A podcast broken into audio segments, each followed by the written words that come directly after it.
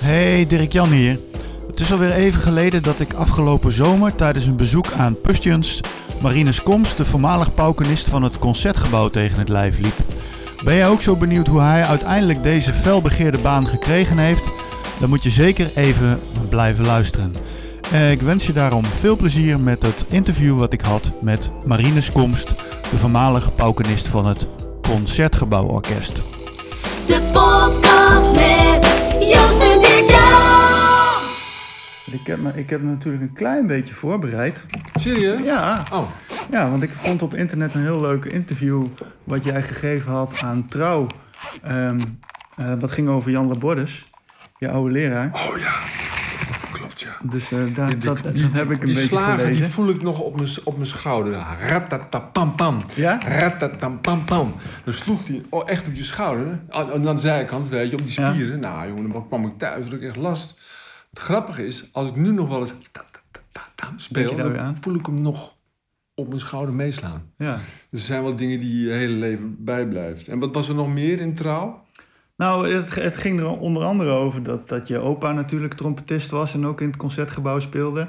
En dat je vader eh, trombonist is Klopt. Mijn opa... en ook in het orkest speelde. Ja, ik eh, denk van nou, dat heeft eigenlijk heeft dat misschien wel heel veel druk gelegd al op jouw muzikale carrière. Of dat er wat van je verwacht werd.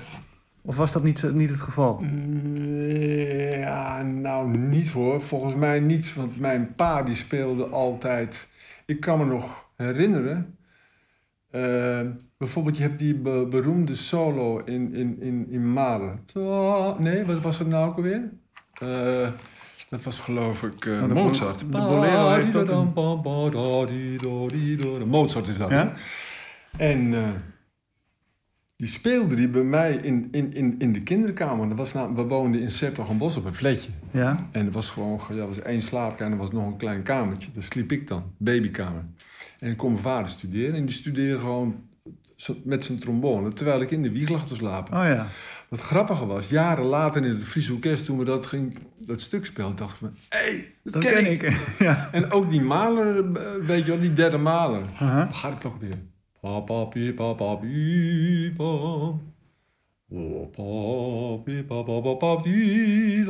Weet je wel? Ja, de Bolero heeft ook zo'n beroemde trombone solo, toch? Klopt. Waar iedereen eh, voor Klopt. vreest. Ja, zeker. Ja. Dat deed hij heel mooi. Mijn vader die was namelijk naast dat hij in het... eh, eh, dat hij klassiek speelde in het orkest, was, speelde, hield hij ook van jazz. Misschien nog wel meer. Wat te gek. Ja. Ja.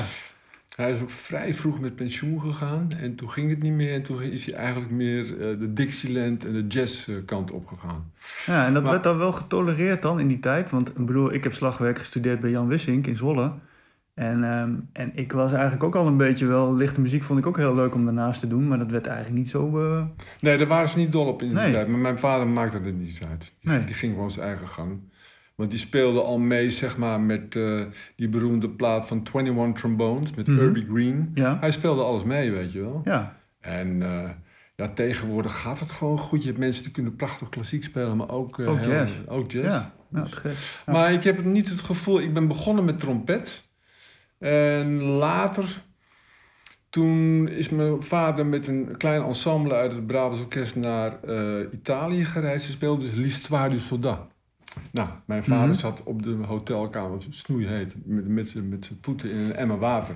Ja. Zat, hij te, zat hij te Te studeren. studeren. En de slagwerker, Henk de Brouwer, die, kwam, die klopte op de deur van het hotel. En dan deed hij, draaide even zo met zijn handen. Hij zegt, ik ga naar het strand. Ja. En toen dacht mijn vader, mijn zoon moet geen trompet gaan studeren. Mijn zoon moet slagwerk gaan studeren. Toen heeft hij dus een paar stokken meegenomen ja. van tournee. En toen ben ik slagwerk gaan doen. Dus dat is eigenlijk de reden waarom ik... eh, Maar toen speelde hij al trompet. toen speelde ik al trompet. Ja. Toen deed ik de slagwerk erbij. En op een gegeven moment kwam ik in de vooropleiding Conservatorium Amsterdam. Toen heb ik één keertje met de, met de orkestklas meegespeeld, weet je Mhm. wel. En ja, als je met zo'n orkest... En mocht ik achter de paukens, nou, toen was het verkocht. Toen was je verkocht. Ja, toen was Dus dat heeft eigenlijk de... Toen was ik geloof ik 17, kan ik me herinneren. En toen was ik helemaal verkocht. En toen ben ik ook gekker gaan studeren. Mijn 19 had ik al een baan bij het Fries Orkest in, in Leeuwarden. Want je zei net toen we in het voorgesprekje even zaten te kletsen van... eh, dat je al, al eh, eh, veel les... Dat je toch ook wel naast je baan in het Friese orkest ook al veel les gegeven had en Klopt. zo daar in die tijd. Klopt. Maar hoe zat dat dan in de tijd eh, met jezelf? Van, heb je toen ook dat hele muziekschooltraject doorgelopen van diploma A tot en met D en dan naar het conservatorium? was- of ging nee. dat in die tijd nog anders? Nee, ik was klassiek muzikus, klassiek geschoold. Die dan, eh, ja, omdat je een centje bij wilde verdienen, ging je op een muziekschool lesgeven. En ik had echt geen idee, geen idee wat, eh, wat mensen daar vroegen. Dus ik moest echt gaan nadenken. Oh, di- diploma A. Tikke dikke dom pam, tikke dikke pam. Ja.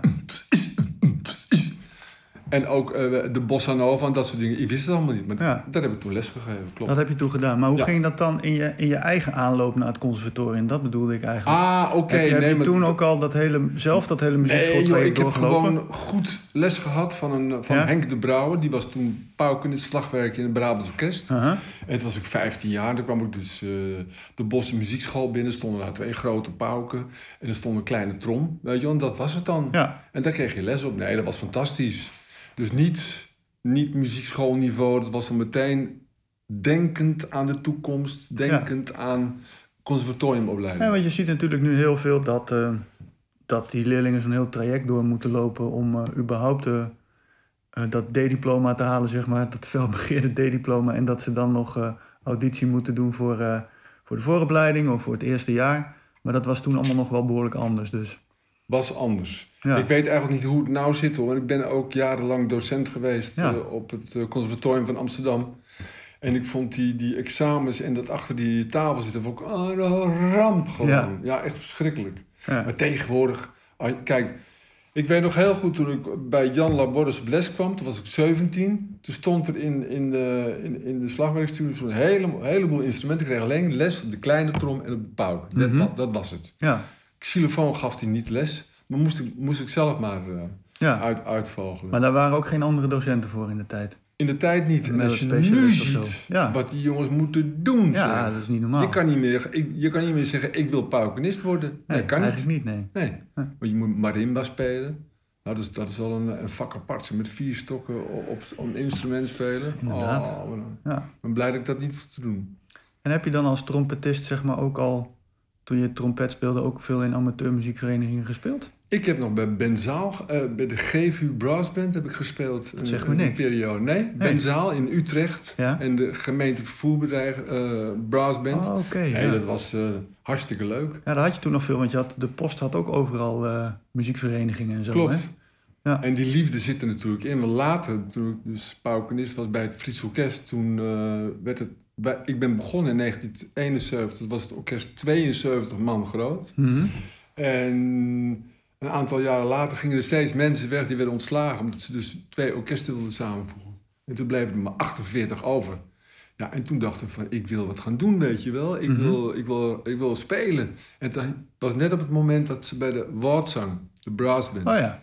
Ja. in Friesland de paukenist zochten. Daar ben ik een paar jaar met hem mee geweest. Dat was fantastisch. Nou, een brassband is ook wel te gek om te doen, Ja, volgens mij. geweldig. Ja. Met vier van die grote tuba's voor je moet Ja. je echt eh, moet je uitpakken. Maar dan mag je soms denk ik ook wel meer geven als in het concertgebouw. met zo'n zo'n Eh, zo'n braas. Ja, maar het, is, het was gevaarlijk hoor. Want, Ja. die, want als je vier van die tuba's voor je hebt zitten, dat is nogal, die vullen de hele ruimte. Ja, Ja.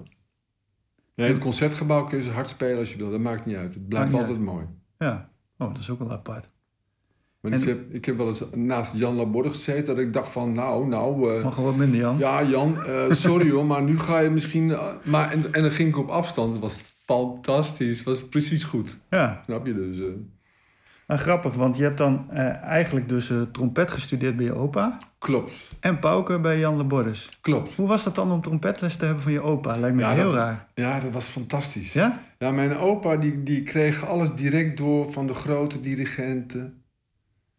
En ehm, hoe heet die ene dirigent nou ook alweer? Ik kan er nou even niet op komen. Maar hij, had het altijd over de kleine nootjes. Ta, tra, ta, ta, ta, ta, tra, Mhm. Weet je wel, overdrijven. Ja. Hij deed zijn beker ook altijd omhoog. Mhm. En eh, dat heb ik altijd met mijn paukenspelen ook gedaan. Altijd overdrijven. Dat je dus dingen echt ritmisch heel mooi speelt. Ja, dat vind ik ook wel het leukste. Ik heb, Mengelberg, daar zocht ik Ah, naar. ja. Mengelberg. Ik heb niet zo heel vaak paukensnappels meer, maar dat vind ik wel het leukste als je samen met de trompetsectie gewoon Tuurlijk. dat kan doen. Tuurlijk, want Ja. ze zitten vaak na, links naast me. En Mhm. ook als je barok speelt, is het heerlijk. En wat ik dus doe, ik kijk gewoon naar de ademhaling van de trompetist. En als hij aanzet, weet je perp, Dus dat, ik weet Want dat las ik ook in het interview. Je zei van, ehm, eigenlijk zou je als paukenist met touwtjes aan andere instrumentalisten vast moeten zitten. Ja, maar dat is, dat, dat zomaar zo voel ik het ook. Ja, Begrijp je? Ik kijk ook altijd naar de eerste bassist als we een solo hebben. Hè? Als hij, dus op het moment dat hij zijn vinger op die snaar legt en die pizzicato noot maakt, boom. Hè? Bijvoorbeeld eerste maal, is mooi. ja. Dat is een mooi voorbeeld daarvan. Dan heb je gewoon contact met zo'n man ja. of vrouw. Want, ehm, en, want wat ik altijd merk als ik in een orkest speel, dat er altijd een beetje frictie is tussen de blazers en de strijkers met, ehm, qua timing. Dat strijkers nog wel eens de neiging hebben om, omdat het natuurlijk niet zo'n heel direct instrument is. En, en hoe los je dat soort dingen op? Lost de Ja. dirigent dat op of los je dat op door de Nou. manier zoals jij net zei, door gewoon elkaar in de gaten te houden? Bijvoorbeeld, ik kan me nog herinneren de dingen die ik, die ik moeilijk vond als paukenist toen ik net begon. Dan zei de dirigent, ja, bijvoorbeeld met Beethoven. Katakatakatakatien. Ja, Katakatakatakatien, dat weet je wel. dingen. Ja, dat en dan was exact. ik jong en dan speelde je ritmisch. Maar dat is dan, ritmisch is dan niet goed genoeg. Dan moet je voor de tel gaan uitspelen. Je Ja. moet iets meer projecteren samen met trompetten. Nee, dat lossen we, dat lossen we samen op. Ja, Want strijkers en, en blazers, dat blijft toch altijd verschillend volk. ja, dat Begrijp je? zo. Ja, Dus, dat eh, klopt, dat klopt helemaal. maar het leuke is, de laatste jaren speel ik veel barok. En Ja. dan zit ik bijna tussen de altviolen, tussen de Ja. contrabassen, met de pauken. En dan ga ik ook wat minder sterk spelen. En dan vorm ik, dan zit ik meer in de groep. En dat is helemaal het einde. Dat is echt top. Dat vind je het leukste. Ja, dat is het mooiste Ja. wat er is. En en dat zijn dan eigenlijk relatief kleine groepjes. Kleine groepjes. Dus heb je ook die kleine paukjes. Kleine paukjes. Maar het grappige is, wat ik dan altijd, wat, ik ervan weet, is dat als je op barokke pauken speelt, dat je met relatief harde melodies speelt. Klopt. En, Klopt. Maar dan moet je dus wel heel erg beheerst zijn om in zo'n klein groepje. Nou, het is de, het is de, je, je moet meer met je armen spelen in plaats van een felle slag. Begrijp je? Ja. Dus meer, eh, meer gedoseerd. Nee, Ja, dat leuk. Dat is waar. En eh, je schrijft in dat interview ook eigenlijk, eh, ja, Labordus was eigenlijk meer dan een leraar, bijna een idool gewoon. Klopt. Je, ging, je mocht soms naast hem zitten in het orkest om Ja. te kijken wat hij deed. Ja. En eh, je ging hem echt nadoen en dingen kopiëren. En op een gegeven moment zei hij ook van, nou is het genoeg hè. Je krijgt geen les meer van mij, want je moet je eigen weg gaan zoeken. Is waar, ja. Want ik wilde, Ja. ik, toen ik bij het Concertgebouw Orkest auditie deed, toen wilde ik nog een paar lessen van me hebben. Nee, maar dat vond hij niks. Hij zei, je moet het gewoon zelf. En toen dacht ik van, ja, auditeren. Ik, ik had al een paar keer een auditie gedaan. Bij het Brabants Orkest niet geworden. Wat ik leuk had gevonden naast mijn vader. Mhm. Eh, bij de radio, bij het Rotterdam Philharmonisch. En toen dacht ik, ja, maar ik wil nu bij het concertgebouw zo verschrikkelijk goed voor de dag komen. Toen heb ik een.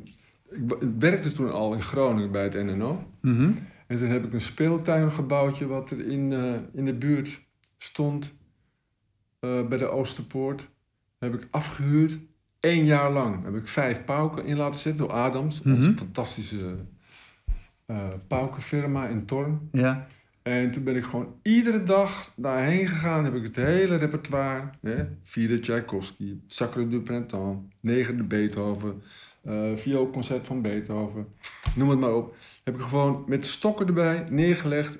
Iedere ochtend weer gespeeld. Pianissimo roffeltje. Mhm. Oeh, moeilijk. Mhm. Weet je wel, zachtjes en dan diminuendo maken. ja. Nou, en toen was ik zo goed voorbereid dat inderdaad toen het zover was, kreeg ik ook de baan. Ja, want dat is grappig, want, ehm, want ehm, Jan die schrijft in dat interview van... ehm, ik verbaas me erover dat hij in al die jaren in dat slaapkamerorkest... Ja, klopt. ja, dat zijn dat- zijn woorden. Ja, ja, ja, ja, zeker. Een van de leukste orkesten ooit meegemaakt was het Fries Orkest. Wat we daar een lol Ja. gehad en ook goed gespeeld. Maar Dus hij het- verbaasde zich dus over dat je al die jaren je niveau gehouden had. Maar Ja. dat komt dus door dat speeltuingebouwtje. Ja, Met dank aan de speeltuinvereniging. ja klopt. Waar je je tot in de puntjes hebt voorbereid op alle stukken die Ja. je moest gaan spelen als er een auditie zou komen. klopt. Ja, te gek man. Ja.